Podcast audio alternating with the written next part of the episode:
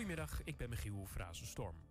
16 bezoekers van de proeffestivals in Biddinghuizen zijn positief getest op corona, meldt organisator Fieldlab. Het is niet duidelijk of ze het virus daar ook echt hebben opgelopen. De festivals waren eind vorige maand en zeker 80% van de bezoekers heeft zich laten testen. Bij het RIVM zijn afgelopen etmaal zeker 7700 nieuwe coronabesmettingen gemeld. Het hoogste aantal in drie maanden. De besmettingscijfers zitten al een paar dagen in de lift naar boven. En dat is ook te merken in de ziekenhuizen. Die hebben het zo druk dat ze 200 extra bedden op de IC's zetten. Er is kans dat maandag geen winkels worden bevoorraad of de verhuizers niet komen opdagen. De vakbonden willen namelijk dat iedereen in het beroepsgoederenvervoer die dag gaat staken. Het gaat om ruim 150.000 medewerkers. De bonden ruzie al een tijdje met de werkgevers over meer loon. En vanuit de hele wereld druppelen condolences binnen voor de Britse prins Philip, die vandaag op 99-jarige leeftijd is overleden. Premier Rutte heeft ook gereageerd. Hij schrijft dat hij meeleeft met de royals en dat zeggen koning Willem-Alexander en Maxima ook. Wanneer Philip begraven wordt, is niet bekend. Het weer droog met wat zon, in het noorden ook een beetje regen. Het is 8 tot 14 graden. Morgen bewolkt en regenachtig, alleen in het noorden ook wat zon. Het wordt een graad of 7. En tot zover het ANP-nieuws. Thema beveiliging staat voor betrokkenheid, adequate optreden en betrouwbaarheid. Waar de concurrent stopt, gaat thema beveiliging net een stap verder. Thema beveiliging levert alle vormen van beveiliging voor zowel de zakelijke als de particuliere markt. Thema beveiliging, de beveiligingsorganisatie van het Oosten. Telefoon 053 4800 560 of stuur uw e-mail naar info@themabeveiliging.nl. 120. Weet wat er speelt in Twente. Iedere dag praten we hierbij over alles wat er in Twente gebeurt. Via radio, tv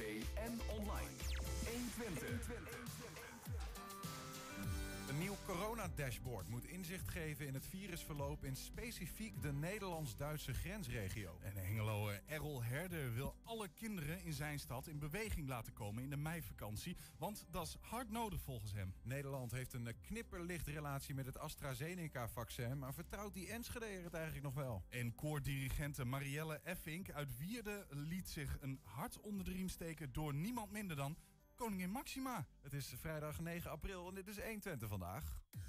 Ja, we beginnen even met de mededeling, want het moskeebestuur van Enschede sleept de gemeente voor de Raad van State vanwege het afblazen van de plannen rondom de, het, de te bouwen moskee in de stad. Het bestemmingsplan voor de bouw van het nieuwe gebedshuis werd eind vorig jaar nog afgewezen. Ja, een saillant feitje is dat de gemeente Enschede zonder ook maar een steen te leggen al zo'n 126.000 euro heeft gekost. Ja, to be continued dus. Democratie is duur, hè? Het kost allemaal knaken. Dan aangeschoven is onze eigen omroepdirecteur Flip van Willigen. Want de lokale journalistiek moet beter, wordt al een lange tijd gezegd. En Flip is lid van de stuurgroep die werkt aan die verbetering. Flip, goedemiddag. Goedemiddag. We komen hier niet per se op het matje roepen, zo van het moet allemaal beter. Uh, ik, ben, ik, ik ben heel blij dat dat het geval is, want ik maakte me al enigszins zorgen. ja. uh, nou, maar goed, de lokale journalistiek als geheel wordt wel, nou ja, niet op het matje geroepen, maar er wordt wel naar gekeken van hé, hey, er is iets aan de hand, er moet iets beter. Twee uh, maanden geleden, precies trouwens, op deze datum, zaten we hier ook met elkaar. Toen was het nieuws dat er een samenwerkingsverband is gevormd tussen eigenlijk de lokale publieke omroepen, de regionale publieke omroepen en de landelijke, namelijk de NOS. Wa waarom gebeurde dat ook alweer? Dat gebeurde omdat uh, uh, eigenlijk de, uh, in het vorige regeerakkoord wat gesloten is, stond een heel klein regeltje, maar dat was voor ons een heel belangrijk regeltje. En de eerste keer dat hij daar ook stond, en daar stond in dat er iets met die lokale journalistiek onderzocht moet worden. Hoe moet dat nou verder?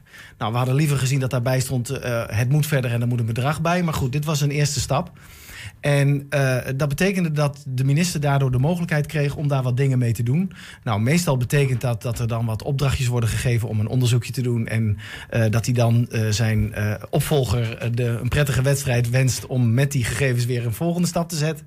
Maar gelukkig hebben wij het voor elkaar weten te krijgen, mede ook dankzij allemaal steun ook in de Tweede Kamer, om er gedurende een kabinetsperiode ook geld voor vrij te maken. En dus is er niet geld gekomen voor structurele bekostiging van lokale journalistiek. Maar er is geld gekomen om allemaal uh, ja, proeven te doen, zeg maar. En een deel van de proeven was van... goh, als we nou eens geld geven aan uh, een aantal lokale omroepen... om te professionaliseren, wordt de lokale journalistiek dan beter? Nou, je zou kunnen zeggen, het is een no-brainer, maar... Uh, is toch nodig. Want democratie kost geld, wat jij al zei. Uh, andere wat ze hebben dus hebben gedaan is van... Goh, als we vanuit de regionale omroepers kijken... als wij plaatsen waar geen goede lokale omroep is... als wij daar eens als of regionale omroep een heel nadrukkelijke rol in spelen... wordt het dan beter. Nou, daar is geld voor gekomen. En het laatste ding was van... Goh, als we nu in de samenwerking van die drie lagen... Als daar nou mee is, uh, geld in geïnvesteerd wordt, voor mhm. die lokale journalistiek wordt het dan beter. En dan moet je even weten, want dan denkt iedereen gewoon, maar uh, als je drie lagen hebt in een bestel, is het toch logisch dat die samenwerken. in Nederland is het allemaal los van elkaar georganiseerd. Je hebt de landelijke omroepen, je hebt de regionale omroepen en de lokale. En mhm. doordat het allemaal losse entiteiten zijn, losse organisaties, eh, zijn ze ook een beetje concurrent af en toe van elkaar aan het worden. En dat betekent dus ook als er dan geld komt om samen te werken, wil dat niet gelijk zeggen dat iedereen een gat in de lucht springt en zegt van wat gaan we doen? Nee, precies. Uh, dus het bijzondere twee maanden geleden was, het is ons gelukt om een plan te maken waarin alle drie de lagen zegt van hey, dit willen wij wel doen, hier willen wij achter staan, hier willen wij uh, uh, energie in gaan mhm. steken. Nou, dat waren dan vooral een aantal afgevaardigden, waarvan ik er dan één was van de lokale omroepen, maar zo had je ook een afgevaardigde van de regionale en van de landelijke en eentje van OCNW. Nou, die hadden dat voor elkaar gekregen. Uh, dan is de vraag, gaat het dan ook lukken als je dan met al die, nou, er zijn 13 regionale omroepen, er zijn uh, ongeveer 250 lokale omroepen. Als die dan met elkaar tot zoiets gaan komen, gaan er dan überhaupt omroepen zeggen, dat wil ik? Gaan er dan, uh, als je dan gaat zeggen, we willen 63 journalisten, zoveel geld was er, kunnen aannemen, gaan die dan ook komen? Want willen die daar dan wel aan gaan werken? Mm -hmm. Nou, ook daar kunnen we nu ja op zeggen, want... Uh, die zijn er. Die zijn er. Er zijn nu nog niet allemaal, want het kost ook wel, je ziet in de verschillende regio's in het land dat het verschillende snelheden heeft. Maar op dit moment zijn er al meer dan 40 journalisten aangesteld van die 63. En die gaan per 1 mei ook beginnen. Oké, dus er zijn 40 journalisten die um, op een of andere manier een rol moeten gaan spelen om, uh, laat ik zeggen, in onze eigen, uh, in onze eigen regio houden, die de verbinding tussen de NOS, RTV Oost en de lokale omroep, in ons geval bijvoorbeeld 120 Enschede of 120 Hengelo, uh, gaan versterken. Ja, en dan niet vanuit de gedachte van, god, er is landelijk nieuws bij de NOS. Hoe krijgen we dat nou hier uh, in 120 vandaag? Nee, hoe krijgen we nou belangrijk nieuws uit 120 vandaag? Nou, we hebben het net over bijvoorbeeld de moskee. Mm -hmm. uh, hoe krijgen we dat door, zodat ze ook landelijk goed snappen hoe dat in elkaar zit? Ja. En wat gaan dan die, die journalisten die nu zijn aangesteld, dat zijn er nu 40, wat gaan zij specifiek dan doen? Nou, je ziet dus, en dat is dus een beetje waarom uh, het lokale omroepbestel, uh, dus die hele laag met al die lokale omroepen nogal uh, nou ja, een uitdaging is, mm -hmm. is omdat er een heel groot verschil is in niveau. Er zijn lokale omroepen die, nou ja, het al heel moeilijk vinden om alleen al de technische infrastructuur voor elkaar te krijgen. Laat staan dat ze journalistiek bedrijven. Ja, en als je 10.000 euro in een maand krijgt, dan kun je misschien een pandje huren en een radio zetten. En dan is het dat ook. Hè? Juist. En dan ben je heel erg afhankelijk van of er uh, vrijwilligers zijn die op dat moment niet andere dingen te doen hebben. En daar dan op dat moment veel tijd aan kunnen besteden of niet. Dus je ziet heel erg grote verschillen. Uh, uh, dus daarom is er ook gezegd van wij richten ons met dit project op twee soorten lokale omroepen. We hebben de dat noemen we dan de high potentials. Dat zijn dus de, de omroepen die uh, al wel een goede basis hebben staan, maar graag nog even iets extra zouden willen om een volgende stap op journalistiek gebied te kunnen zetten. Mm -hmm. Nou, de journalisten die daar geplaatst worden, die zullen vooral bezig zijn met dat noemen we dan de eerste lijn journalistiek. Dus gewoon de dagelijkse nieuwtjes, uh, informatie. Uh, uh, dat komen er gewoon bij als werknemer van die omroep. Van die omroep, juist. Uh, en die zorgen er dan voor ook dat dat nieuws wat daar gemaakt wordt... ook bij de regionale omroep terechtkomt. En nou, de regionale hebben mensen misschien al wel ge gezien... dat de regionale en de landelijke al een goede samenwerking hebben. Ja. Dus als het bij de regionale komt uh, en het wordt dan opgepakt door de NOS... dan gaat het automatisch door. Nou, daarnaast heb je dan nog de, zeg maar, wat meer de grotere omroepen zoals wij dat zijn. Die hebben al in principe een, een dagelijkse infrastructuur staan. Daar wordt meer gekeken, ook naast die eerste lijst... dat er ook thema's, dus meer onderzoeksjournalistiek gebeurt. Nou, dat is wat wij dus vooral ook willen doen. Die krijgen een iets specifiekere taak binnen die, binnen die omroep. En die zullen waarschijnlijk ook hun talent en hun kennis weer verdelen onder de andere werknemers van zo'n omroep. Juist. Ja, zo, zo krijgen wij er dan dus ook een collega bij. Wij krijgen er een collega bij, ja. Wilco Lauwers. En dat is een uh, bekende hier voor de mensen die uh, enigszins uh, de Enschedese politiek ook kennen. een voormalig, mag ik nu zeggen, voormalig journalist van Tubantia. En die nou ja, staat echt te trappelen van ongeduld om eh, zich in deze arena te gaan begeven. Ja, ik ben benieuwd. We zullen hem dus vaker zien eh, de komende tijd. Waarschijnlijk ook aan dit meubel wel om eh, uit te leggen over dingen die hij uitvindt in de stad. Ja. Ehm, tot slot dan misschien, deze stappen zijn nu genomen. Hoe gaan jullie dan nu monitoren of er daadwerkelijk iets bijdraagt? Want je moet die minister wel overtuigen dat er nog meer geld naartoe moet waarschijnlijk. Ja, dat is nu de volgende stap. We zijn nu vanuit de, de stuurgroep waar ik dan in zit aan het kijken van... goh, hoe kun je nou, uh, als je uh, de, een omroep even voorstelt als een, een grote uh, muur, zeg maar, met allemaal knopjes waar je aan kunt draaien. Nou, welke knopjes zijn nu zinvol om aan te draaien om uiteindelijk te zorgen dat er betere journalistiek komt? En daarbij moet je dus goed kijken ook naar de omgevingsfactoren, want een ene omroep is de andere omroep niet. Nou, als je in een minder uh, goede omgeving uh, uh, moet gaan, gaan presteren. Nou, dan heb je daar al een, een, een iets wat je tegenwerkt. Zeg maar. dus er, het wordt nog wel een puzzel om dat goed te doen. Maar we zijn daar heel erg goed nu mee bezig om te kijken... van kun je toch een soort nou ja, structuur aanbrengen... en aan welke knoppen ga je dan draaien. Ja, een manier vinden om het goed te monitoren. Ja. Dankjewel voor de uitleg. En nou ja, we zien het alweer. we, we volgen het op de voet natuurlijk vanuit onze plek. Dus tot over een paar maanden of zo. Lijkt mij een goed idee. Ja. Ja, Nederland heeft een knipperlicht uh, relatie met AstraZeneca-vaccin. Vertrouwt de Enschede het eigenlijk nog wel? De stellingsquad die checkt het. Straks meer. Maar eerst, er is een nieuw corona-dashboard om inzicht te krijgen in het virusverloop in specifiek de Nederlands-Duitse grensregio. De website toont het aantal positief geteste gevallen in de gemeente aan de Nederlandse kant en in de krijsen aan de Duitse kant van de grens die cijfers zijn alleen maar belangrijker geworden nu Nederland door Duitsland is aangewezen als een hoog incidentgebied. Hè. We moeten een negatieve test overleggen als we naar Duitsland willen. Het grensregio Corona Dashboard is een initiatief van uh, provincie Overijssel samen met Gelderland en Limburg. Aan de lijn is uh, Raymond Reuter. Hij is vertegenwoordiger van provincie Overijssel in Duitsland. Raymond, goedemiddag. Goedemiddag. We hebben het, uh, het kaartje hier uh, even ervoor. En uh, nou ja, wat we zien is links een, grafiekje met landelijke cijfers over het aantal uh, positieve gevallen per 100.000 inwoners tegen elkaar afgezet voor Nederland en Duitsland. In het midden zien we eigenlijk het aantal gevallen op een soort heatmap. Uh, gespecificeerd voor de grensgemeenten en de kruisen. Zeg maar hoe donkerder, hoe meer corona er is, zou je kunnen zeggen, per 100.000 inwoners. Um, waarom hebben jullie dit dashboard gemaakt? Is vooral een informatietour. Dat is een informatietour voor de grensbewoners en grenspendelaars langs de Duits-Nederlandse grens.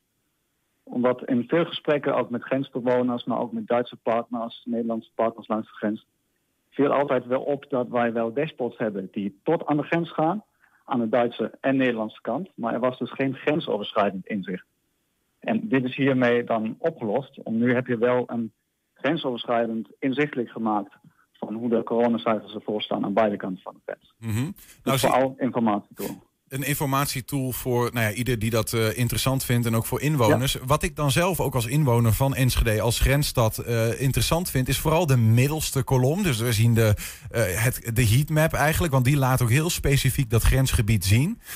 En wat daar meteen opvalt als ik ernaar kijk, is het lijkt bijna wel alsof de grens is getekend met een donkere kleur. Het, het, het, is echt dat wat we zien, de Nederlandse grenzen. Links daarvan is er veel meer corona dan rechts van de grens per 100.000 inwoners.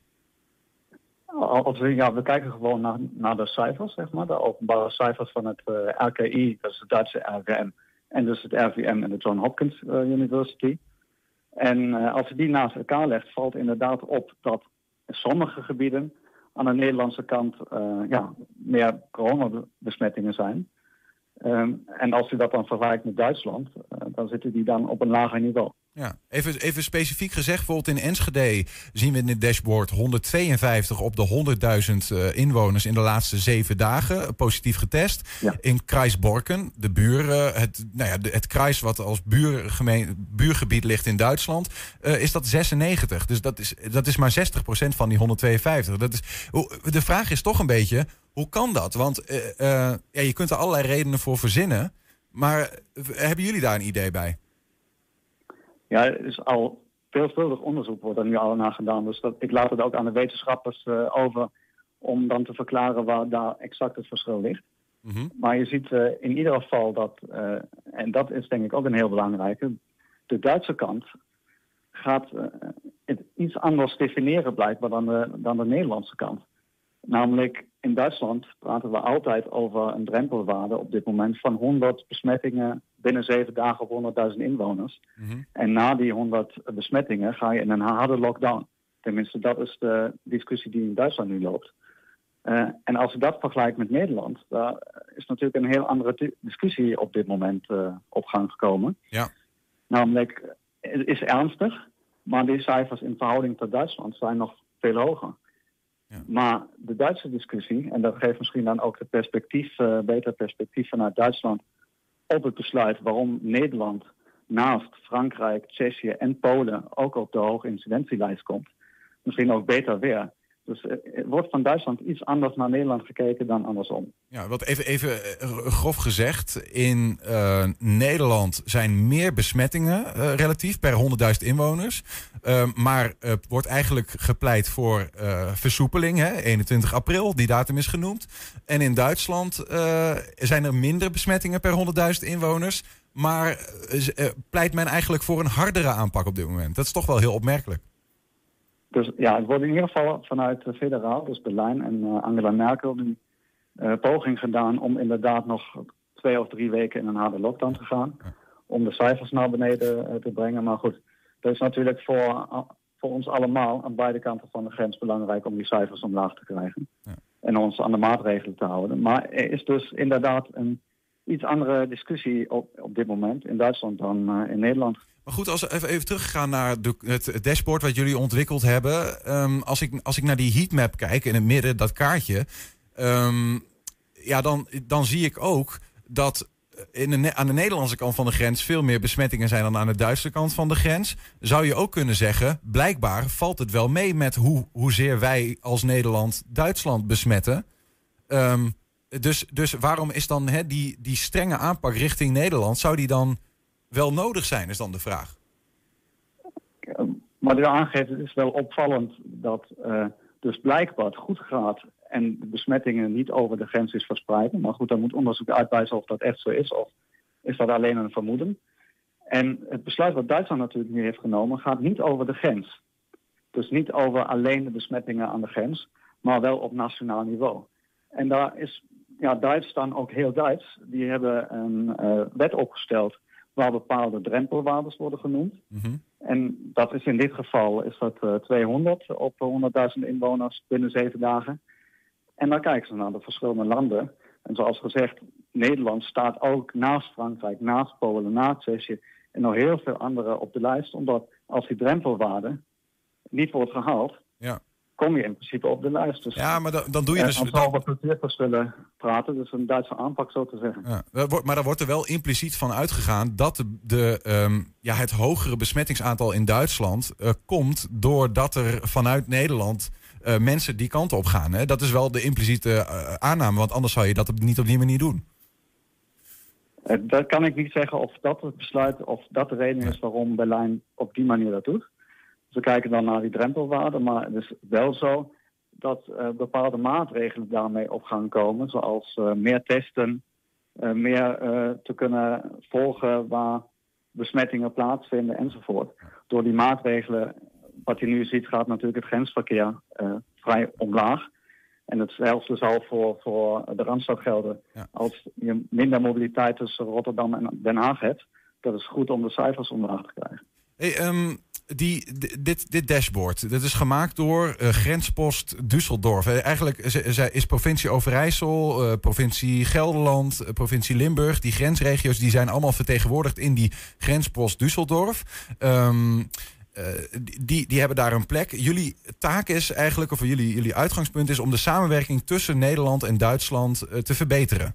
Dan is zo'n maatregel wel echt een klap in het gezicht voor jullie, denk ik, hè? Ja, we zitten daar in ieder geval ook met Zuid-Holland. En wij als Overijssel hebben dan nog de bijzondere positie dat we grens hebben met twee deelstaten, dus ook Neder-Saxen. We hebben dan ook de samenwerking met de provincies eh, Drenthe en Groningen langs de grens. En wij zitten daar bij het consulaat en hebben het dagelijks dus met onze Duitse partners over allerlei onderwerpen, ook als infrastructuur, eh, zorg, economie, arbeidsmarkt, dus een hele breedte. En sinds één jaar hoort er corona bij. En daarbij hoort ook dat wij voortdurend in gesprek zijn met deze partners en Den Haag en Berlijn. over hoe je maatregelen aan beide kanten van de grens beter op elkaar kunt afstemmen. Mhm. Hoe je überhaupt informatie uitwisselt daarover. En als je kijkt naar de maatregelen die nu zijn genomen door, door het federale niveau, er zitten wel uitzonderingen in voor grenspendelaars. Hoeveel uren je wel over de grens mag, transitverkeer enzovoort. Dus als je dat vanuit een Duits perspectief bekijkt, worden er al, ja, Ja. zijn er al uitzonderingen gemaakt. goed, en het- blijven we in gesprek om heel snel natuurlijk weer hiervan af te komen. Ja, maar het is Maar wel strenger dan ooit. Hè? Het, is, moet het, is, het, is, het is strenger dan ooit. En dan zou je ook bijna denken, dan moet het dus ook erger zijn dan ooit qua besmettingen. Is dat ook zo? Is, is de verhouding besmettingen Nederland-Duitsland nog nooit zo eh, geweest zoals nu? Daar Is, is, daar heeft Duitsland er meer dan ooit last van? Eh, als je naar het dashboard kijkt, ook naar de overzicht, waren er in Nederland zelf al hogere cijfers. Eh, en in Duitsland eh, trouwens ook. Maar het is natuurlijk een voortdurend proces hoe de federale en, en Berlijn ook op welk moment, Ja. vanuit welke redenen met mutaties enzovoort, weer nieuwe maatregelen neemt. En dat, ik kan niet inschatten of hè, dat is op een moment veranderd. Dus is blijkbaar het moment aangebroken om de- wel deze maatregelen te nemen. Ja, ja. De- er is wel een, een brandbrief gestuurd vanuit de Nederlandse grensregio's eh, richting eh, Grapperhaus, de minister, om eh, toch in gesprek te gaan met Duitsland over dit, nou ja, toch wel dramatische fenomeen voor heel veel pendelaars. Dat ze het negatieve test moeten overleggen. Helpt zoiets, denk je? Het helpt altijd sowieso als je gezamenlijk met de Duitsers hierover in gesprek gaat.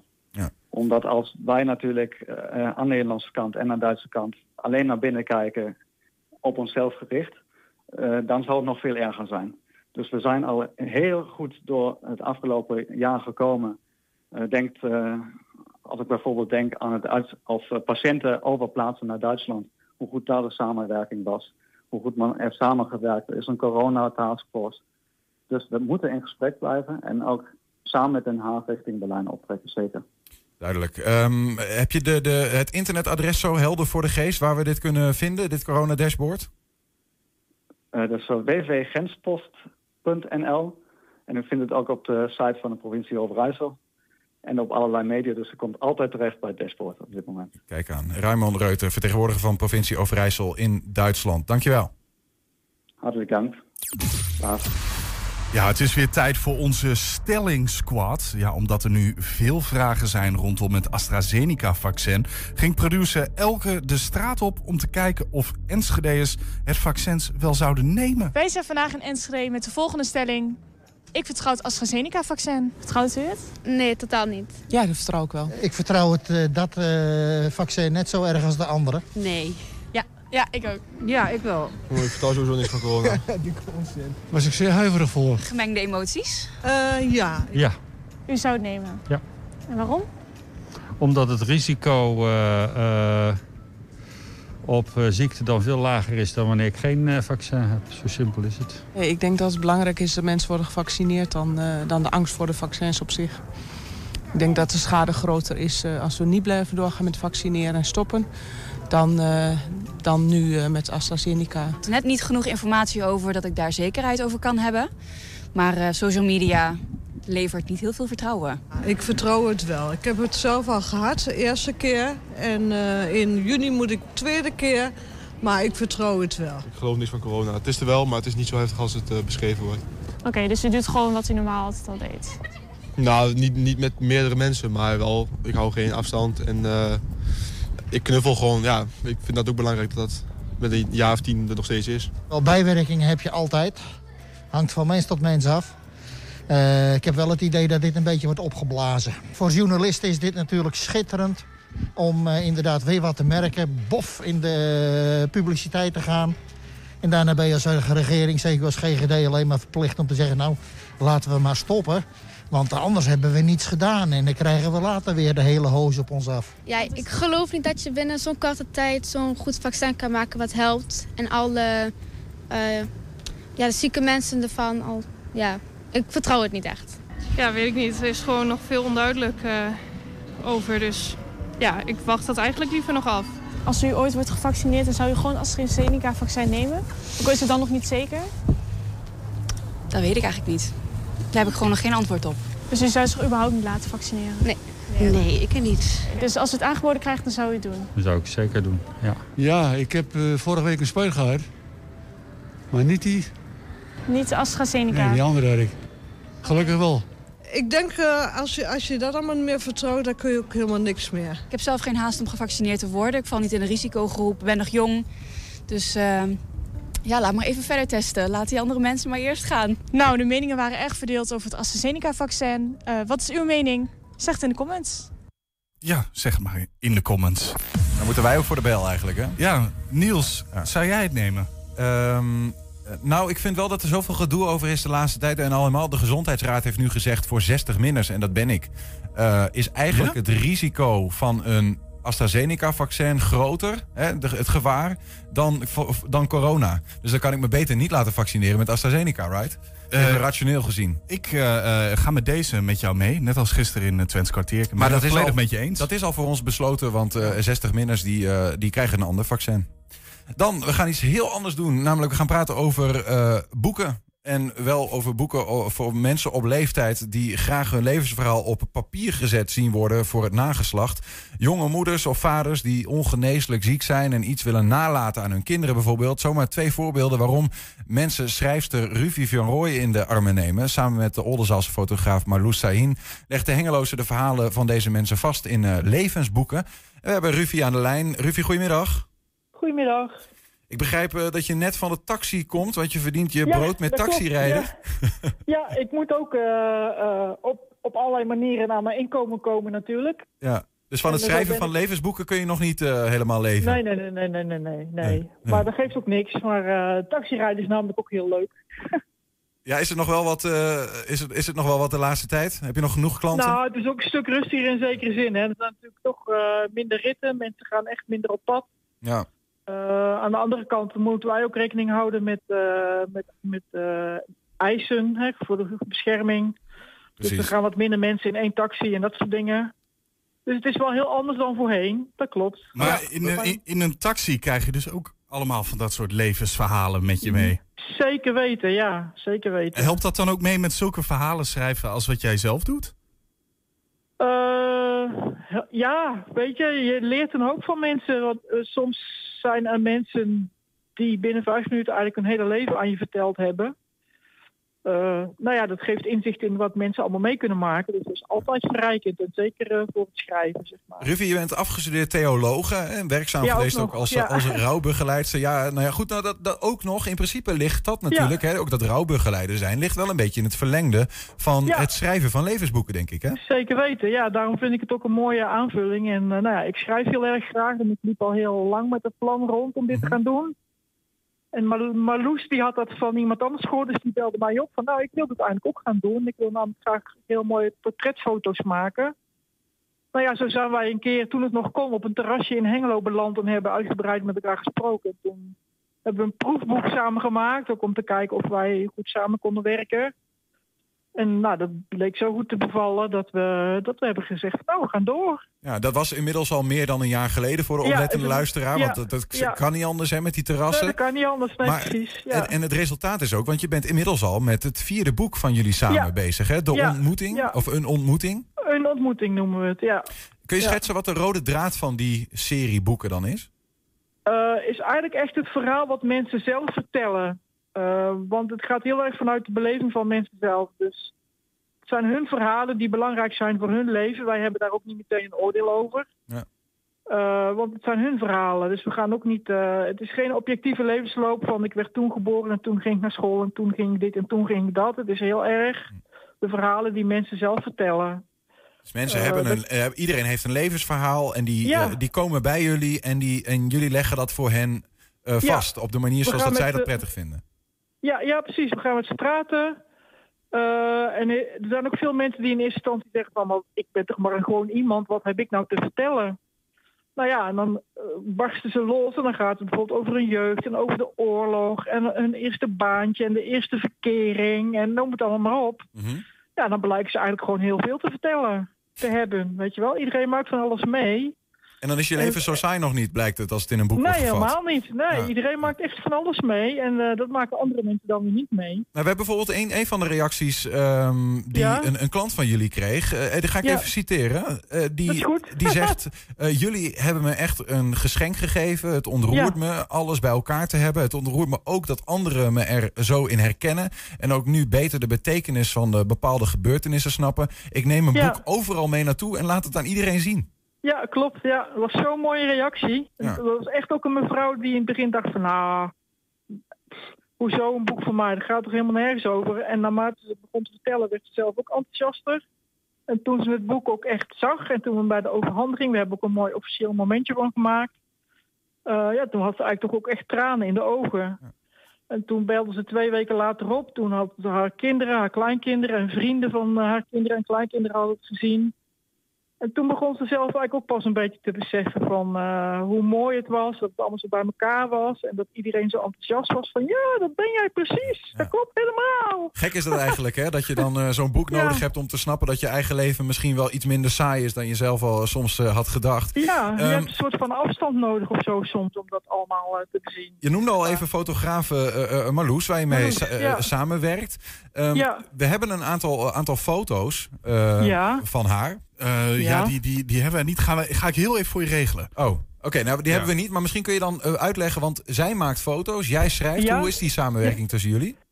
Eh, nou, eigenlijk heel goed, want zij maakt foto's zoals ik die graag zou willen kunnen maken. En ik schrijf volgens haar zoals zij graag zou willen kunnen schrijven. Dus dat gaat heel goed. En verder is het ook wel een duo in de zin van als ik... Ik kan af en toe heel erg wegdromen in van wat allemaal mooie plannen zijn en zo. En Marloes zegt dan gewoon, ja, maar er moet wel een boek komen. En denk, oh ja, we moeten gewoon even weer concreet worden. Ja. Maar wat voor foto's maakt zij dan? Want, want je kunt geen foto's meer maken bijvoorbeeld van iets wat 60 jaar geleden is gebeurd. Nee, nee we, we- dan maken we vaak gebruik van eh, foto's die mensen zelf hebben. Of van voorwerpen. Hè. Mensen hebben natuurlijk allemaal leuke dingetjes in hun woonkamer staan. Bijvoorbeeld. Daar maken we dan foto's van. En voor oude foto's proberen we, daar kan Marloes ook heel mooi, goede foto van maken en dan een beetje bijwerken, zodat het ook mooi eh, afgedrukt kan worden. En dan heb je dus toch de foto's van vroeger alsnog in dat boek staan. Ja.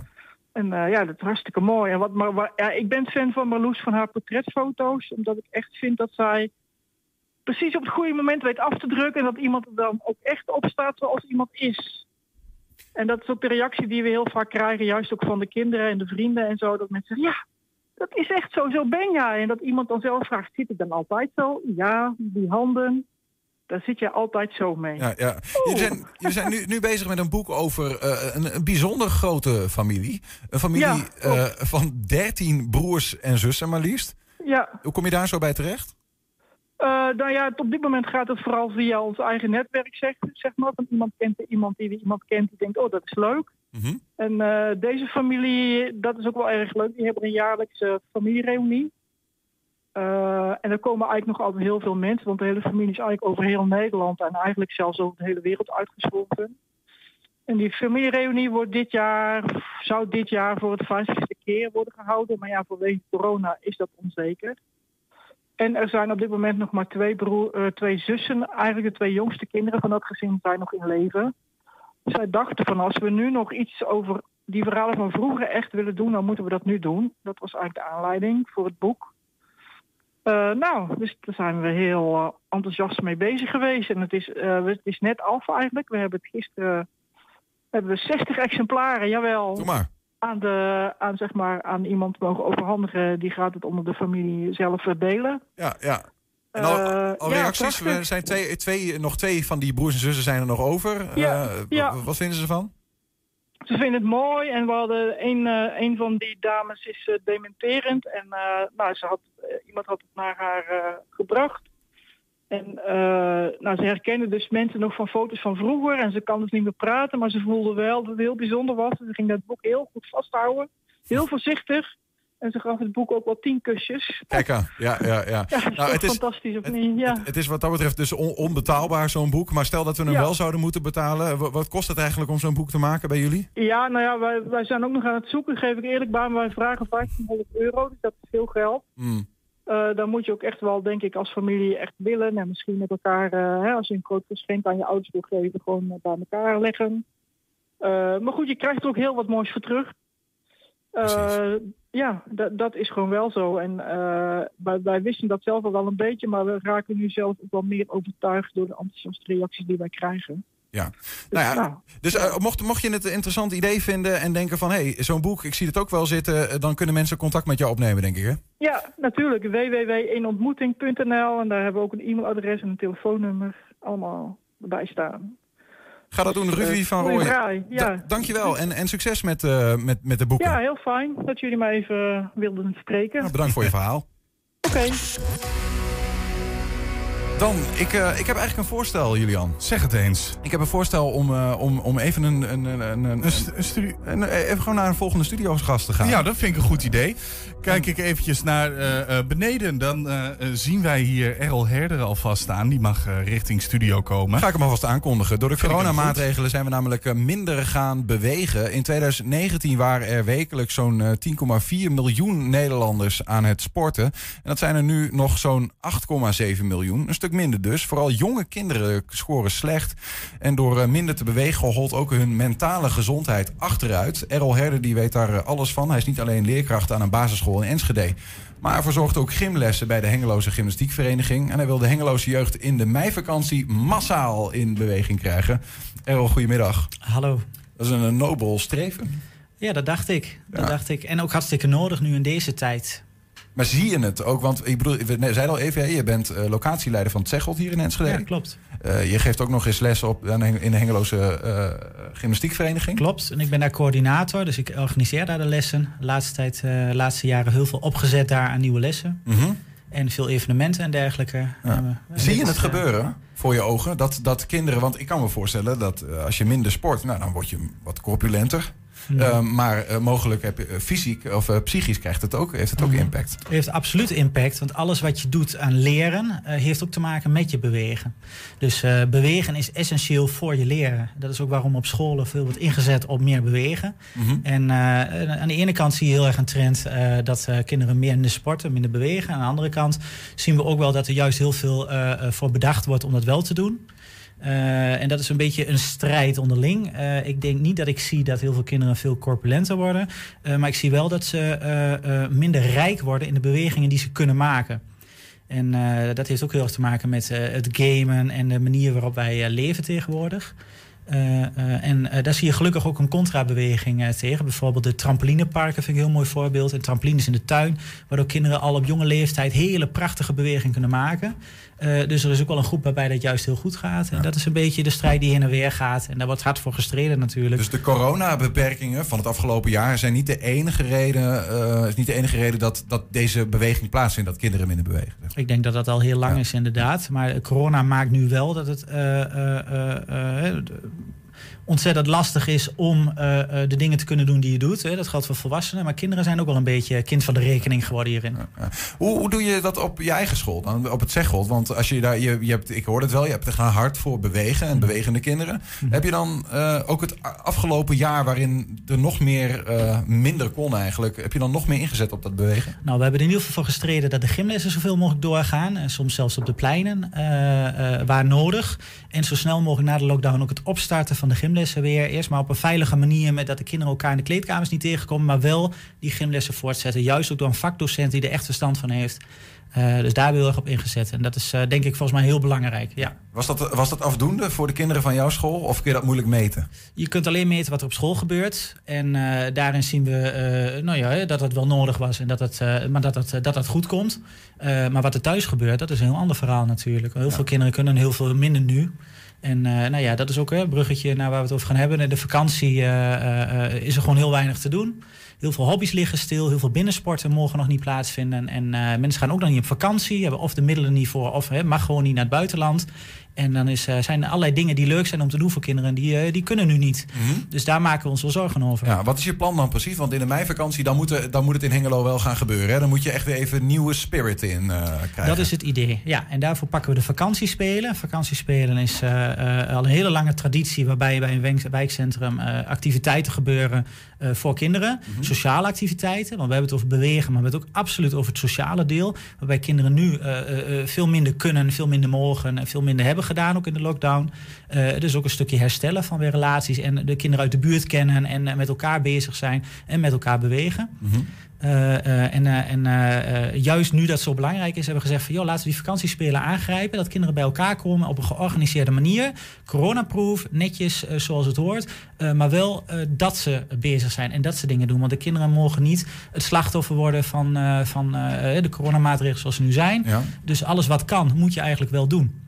En vakantiespelen wordt soms wel, soms niet georganiseerd. Er zijn in Hengelo uh, op de drie plekken structureel vakantiespelen. En we hebben gezegd, eigenlijk moet je dat uh, uh, geografisch zo indelen... dat overal in Hengelo dicht bij jouw huis ergens vakantiespelen zijn.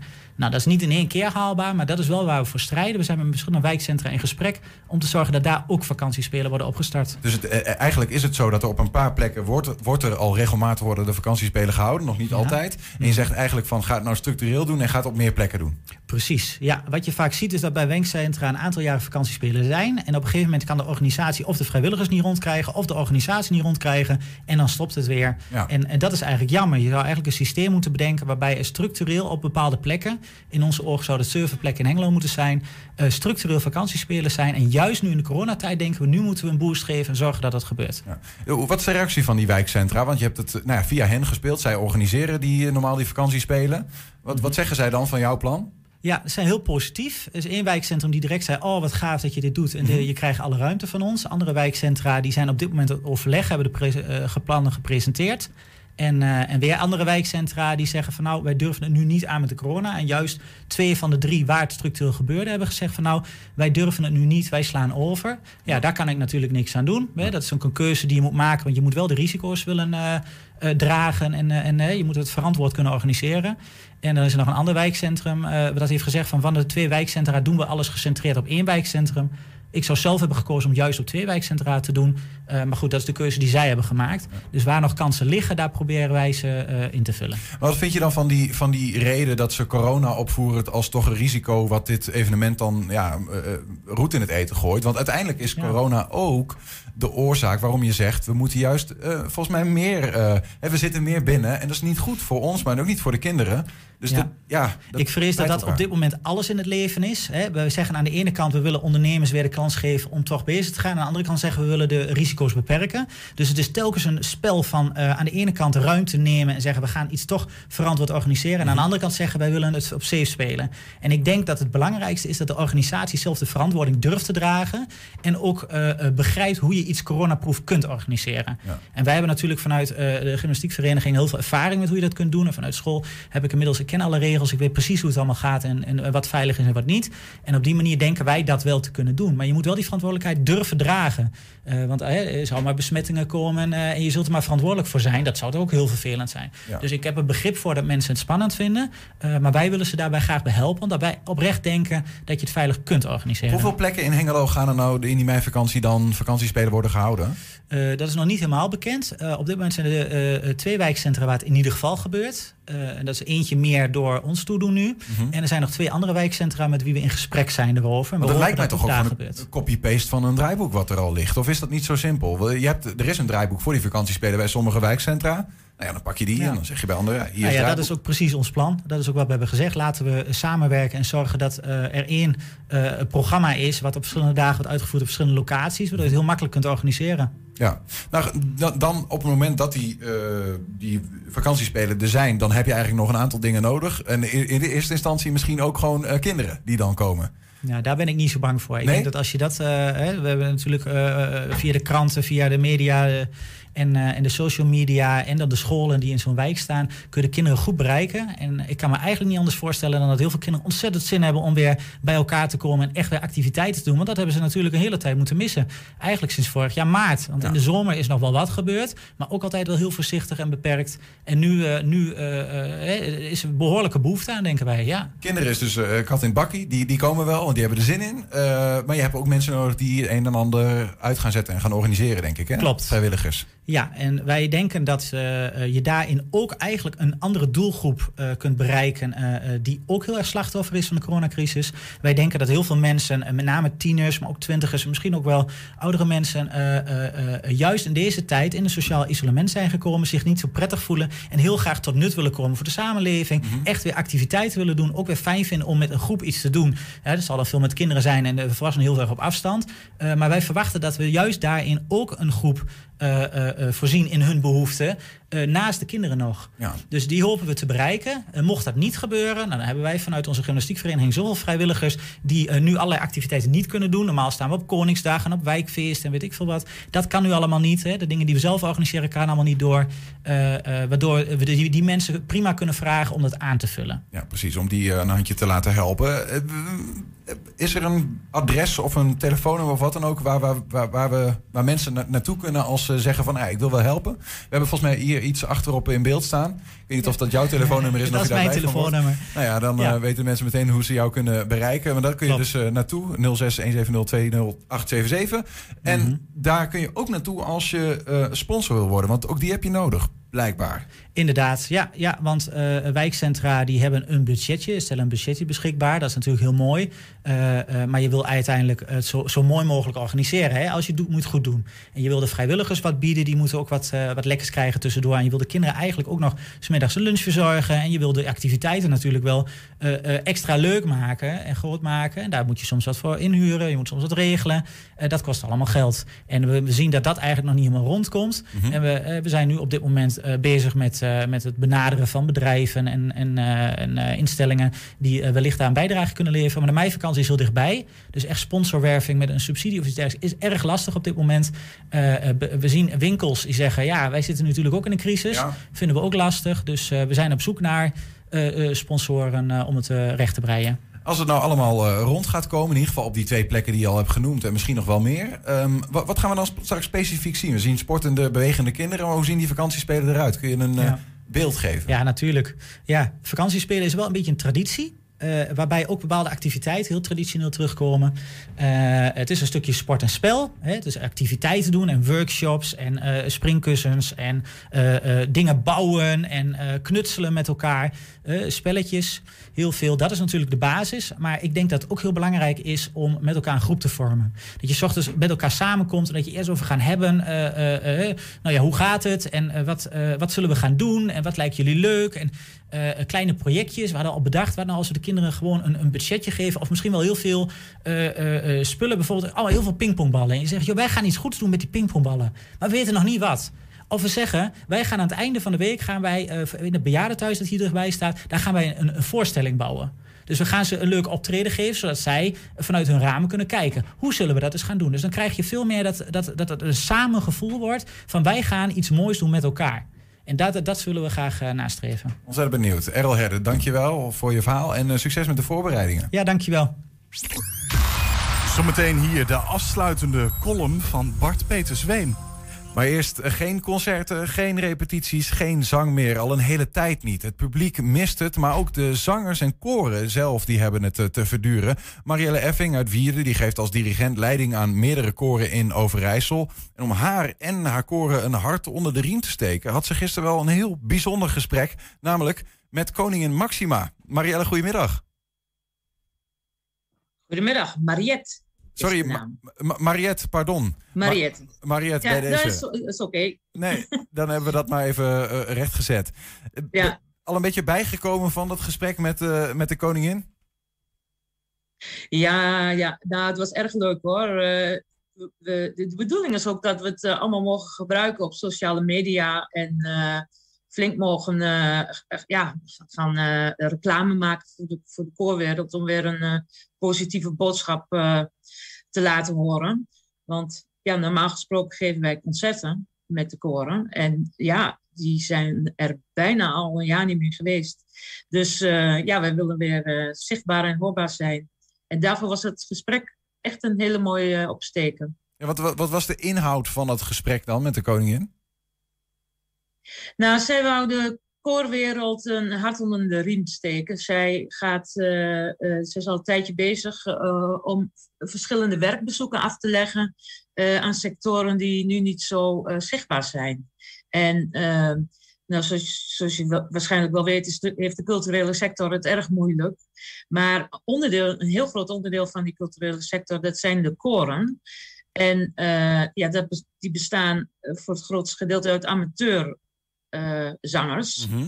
En die mogen nou niet bij elkaar komen. Ja. Maar goed, ik, ik, eh, dat, ik, ik bedoel dat niet flauw, Mariette. Maar eh, het spreken met de koningin is natuurlijk fantastisch. Maar uiteindelijk mag je nog steeds niet zingen, toch? Dat klopt. Alleen, kijk, het, het, het, eh, punt is dat, je, dat mensen die in koren zingen, willen zich laten, graag laten horen en laten zien. En eh, ja, je mag nu niet bij elkaar komen, maar op deze manier konden wij wel als sector, laat ik maar zeggen, als koorsector, Mhm. iets van ons laten horen. En het is ook een, toch wel een, op, ik heb het toch gemerkt bij mijn eigen koren, eh, ik moest het natuurlijk geheim houden. En eh, na de tijd, ik had zelf een, een screenshot gemaakt van mij en de koningin. Dus ik kon direct na de tijd tegen mijn eigen koren zeggen dat ik in gesprek was geweest met Maxima over, over de koorsector. En dan merk je toch bij heel veel koorleden die echt zoiets hebben nou, dat vind ik nou leuk en positief. Daar krijgen mensen toch ook wel weer wat energie van. Ja, we worden niet vergeten. Dat is ook een beetje het idee dan. Ja, ja nou, want ik, ik had het ook al eh, in een ander programma erover. Kijk, eh, je kijkt natuurlijk steeds rijkhalsend uit naar die eh, persconferenties. Maar eh, de laatste twee heb ik niet meer gekeken, omdat ik weet gewoon dat wij als sector gewoon helemaal niet genoemd worden. En eh, er zit nooit iets voor ons in. Eh, de- zelfs in de vorige lockdown, laten we zeggen, mochten we ineens helemaal niks meer. De- ja, had nog ruimte en ineens je denkt dat er versoepelingen komen en ineens werd het weer wat, wat zwaarder. Dus ehm, nee, ik, om mezelf een beetje te behoeden tegen teleurstellingen eh, had ik al eh, twee keer niet gekeken. Misschien dat ik aanstaande dinsdag weer ga kijken. Wat is het hoogtepunt wat jou betreft van dat, van dat gesprek? Wat, wat, wat, waarvan zeg je nou echt van, nou, dat vond ik zo'n mooi moment... of dat vond ik zo'n goede vraag of, eh, van de koningin? Nou, ik zat daar niet alleen namens de hele koorsector, maar een specifiek onderdeel. Ik zet mij heel erg in voor het zingen met jongens. Ik heb een stichting opgericht die heet Boys Keep on Singing. En ik eh, wil met die stichting graag eh, meer jongens activeren om te gaan zingen, jongens en mannen. En ja, wat een leuk moment was, is eh, ik had de koningin al een keertje live ontmoet. En dat was een aantal jaren geleden in Oldenzaal. En toen hebben wij via een list hebben we toch een, een boek weten aan te bieden. Het mocht eigenlijk niet. Dus ik kon zeggen, majesteit, we hebben elkaar al eens de hand geschud. En dat was heel leuk. Eh, om een keertje majesteit te mogen zeggen. Dat doe je niet elke dag. Fantastisch. Ja, het, wat, eh, als je dan even bij dat de, de zingende, zingende mannen eh, thema blijft... heb je het daar nog dan over gehad? Hè? Zingt eh, Wim Lex, eh, Ja, zeker. zingt hij wel eens een moppie? Nou, kijk, ja, de, de, de, de koningin heeft natuurlijk een, een, een meidengezin. Ja, precies. En eh, dat is echt een andere dynamiek dan een jongensgezin. En eh, daar heb ik het niet eh, met haar over gehad, wel in de voorbereiding. Kijk, ik kan me nog de persconferentie herinneren waar toen Willem-Alexander nog een puber was. Nou, die persconferenties zagen er echt iets anders uit dan die persconferenties met die meiden erbij. Dus, en zo heb je eigenlijk dat ook een beetje in die, in die kinderkoren. Als je een kinderkoor hebt met alleen jongens, Mhm. is er echt een hele andere dynamiek dan een kinderkoor met alleen meisjes. Ja. Ehm, Nou, ik sta roerend achter je zaak hoor, want ik, eh, ik, ik, ik kan intens genieten van, eh, van die gigantische mannenkoren bijvoorbeeld. Ja, en eh, ja, wat ook gewoon bij, bij kleine jongens speelt, speelt ook bij eh, de, de grote mannen, laat ik maar zeggen. Dat is namelijk het, het- groepsgevoel is erg belangrijk. Eh, laten we zeggen, ik ga met die jongens niet eh, natuurlijk geen biertje drinken aan de bar, maar wij drinken een glaasje ranja en dan vertellen we een goede mop. En ehm, dat is gewoon erg belangrijk ja, voor het groepsgevoel. Dat hebben meisjes natuurlijk ook, maar jongens zijn daar heel vatbaar voor. Ja. En de- toch ook nog even, ik ben ook wel benieuwd, de inhoud van zo'n gesprek. Stelt zij dan vooral vragen of, of vertelt ze ook dingen vanuit haar eigen ervaring, eh, koningin Maxima? Nou, er waren verschillende sprekers. Ehm, het, het was eigenlijk, eh, we waren uitgenodigd door Koornetwerk. Koornetwerk is een verzameling eh korenbonden. Koren zijn georganiseerd En eh, nog andere organisaties, organisaties van eh, dirigenten of het Nederlands Kamerkoor is er ook aan verbonden. En er waren zes sprekers en daar was ik één van. En natuurlijk probeert iedereen zijn eigen gebiedje onder de aandacht te brengen. Ja. Want wij krijgen, ik ben nu ook verbonden via Zoom, wij krijgen een opname van de hele Zoom-sessie met Maxima en die mogen wij gaan gebruiken. Wij mogen gaan, dat gaan gebruiken om ons eigen onderwerp onder de aandacht te brengen. Ja. En eh, eh, het betekent voor, voor, jullie als koren dat je zegt van, nou ja, eh, wij zijn er ook nog. En eh, zit er dan ook nog iets van, nou ja, toch ondersteuning in bijvoorbeeld financiële vorm of zo aan vast? Of speelde dat niet zo? Is dat niet zo'n issue geweest? Nee, we hebben het helemaal niet over financiën gehad. We hebben het natuurlijk wel over financiën gehad. Ik denk dat wij net zoals, eh, want hiervoor was een item over sport. Ik denk dat in, met, het, met koren het, hetzelfde is. Kijk, ehm, kinderen zijn natuurlijk, mochten ook een tijdje niet zingen. En wat je natuurlijk krijgt is, eh, de, de, de, ik werd gelukkig wel doorbetaald, want ik ben, ben online gaan werken. Het repetitiegebouw moet wel betaald worden, want ja, dan, eh, als je aan dat soort verplichtingen niet voldoet, dan valt alles als een kaartenhuis in elkaar. Precies. ehm, eh, maar het zijn natuurlijk eh, kinderen die, die motivatieproblemen krijgen. Volwassenen ook. Als jij op, al, al, al tien jaar lang elke donderdagavond eh, lekker gaat zingen en na de tijd een biertje drinkt met de mannen.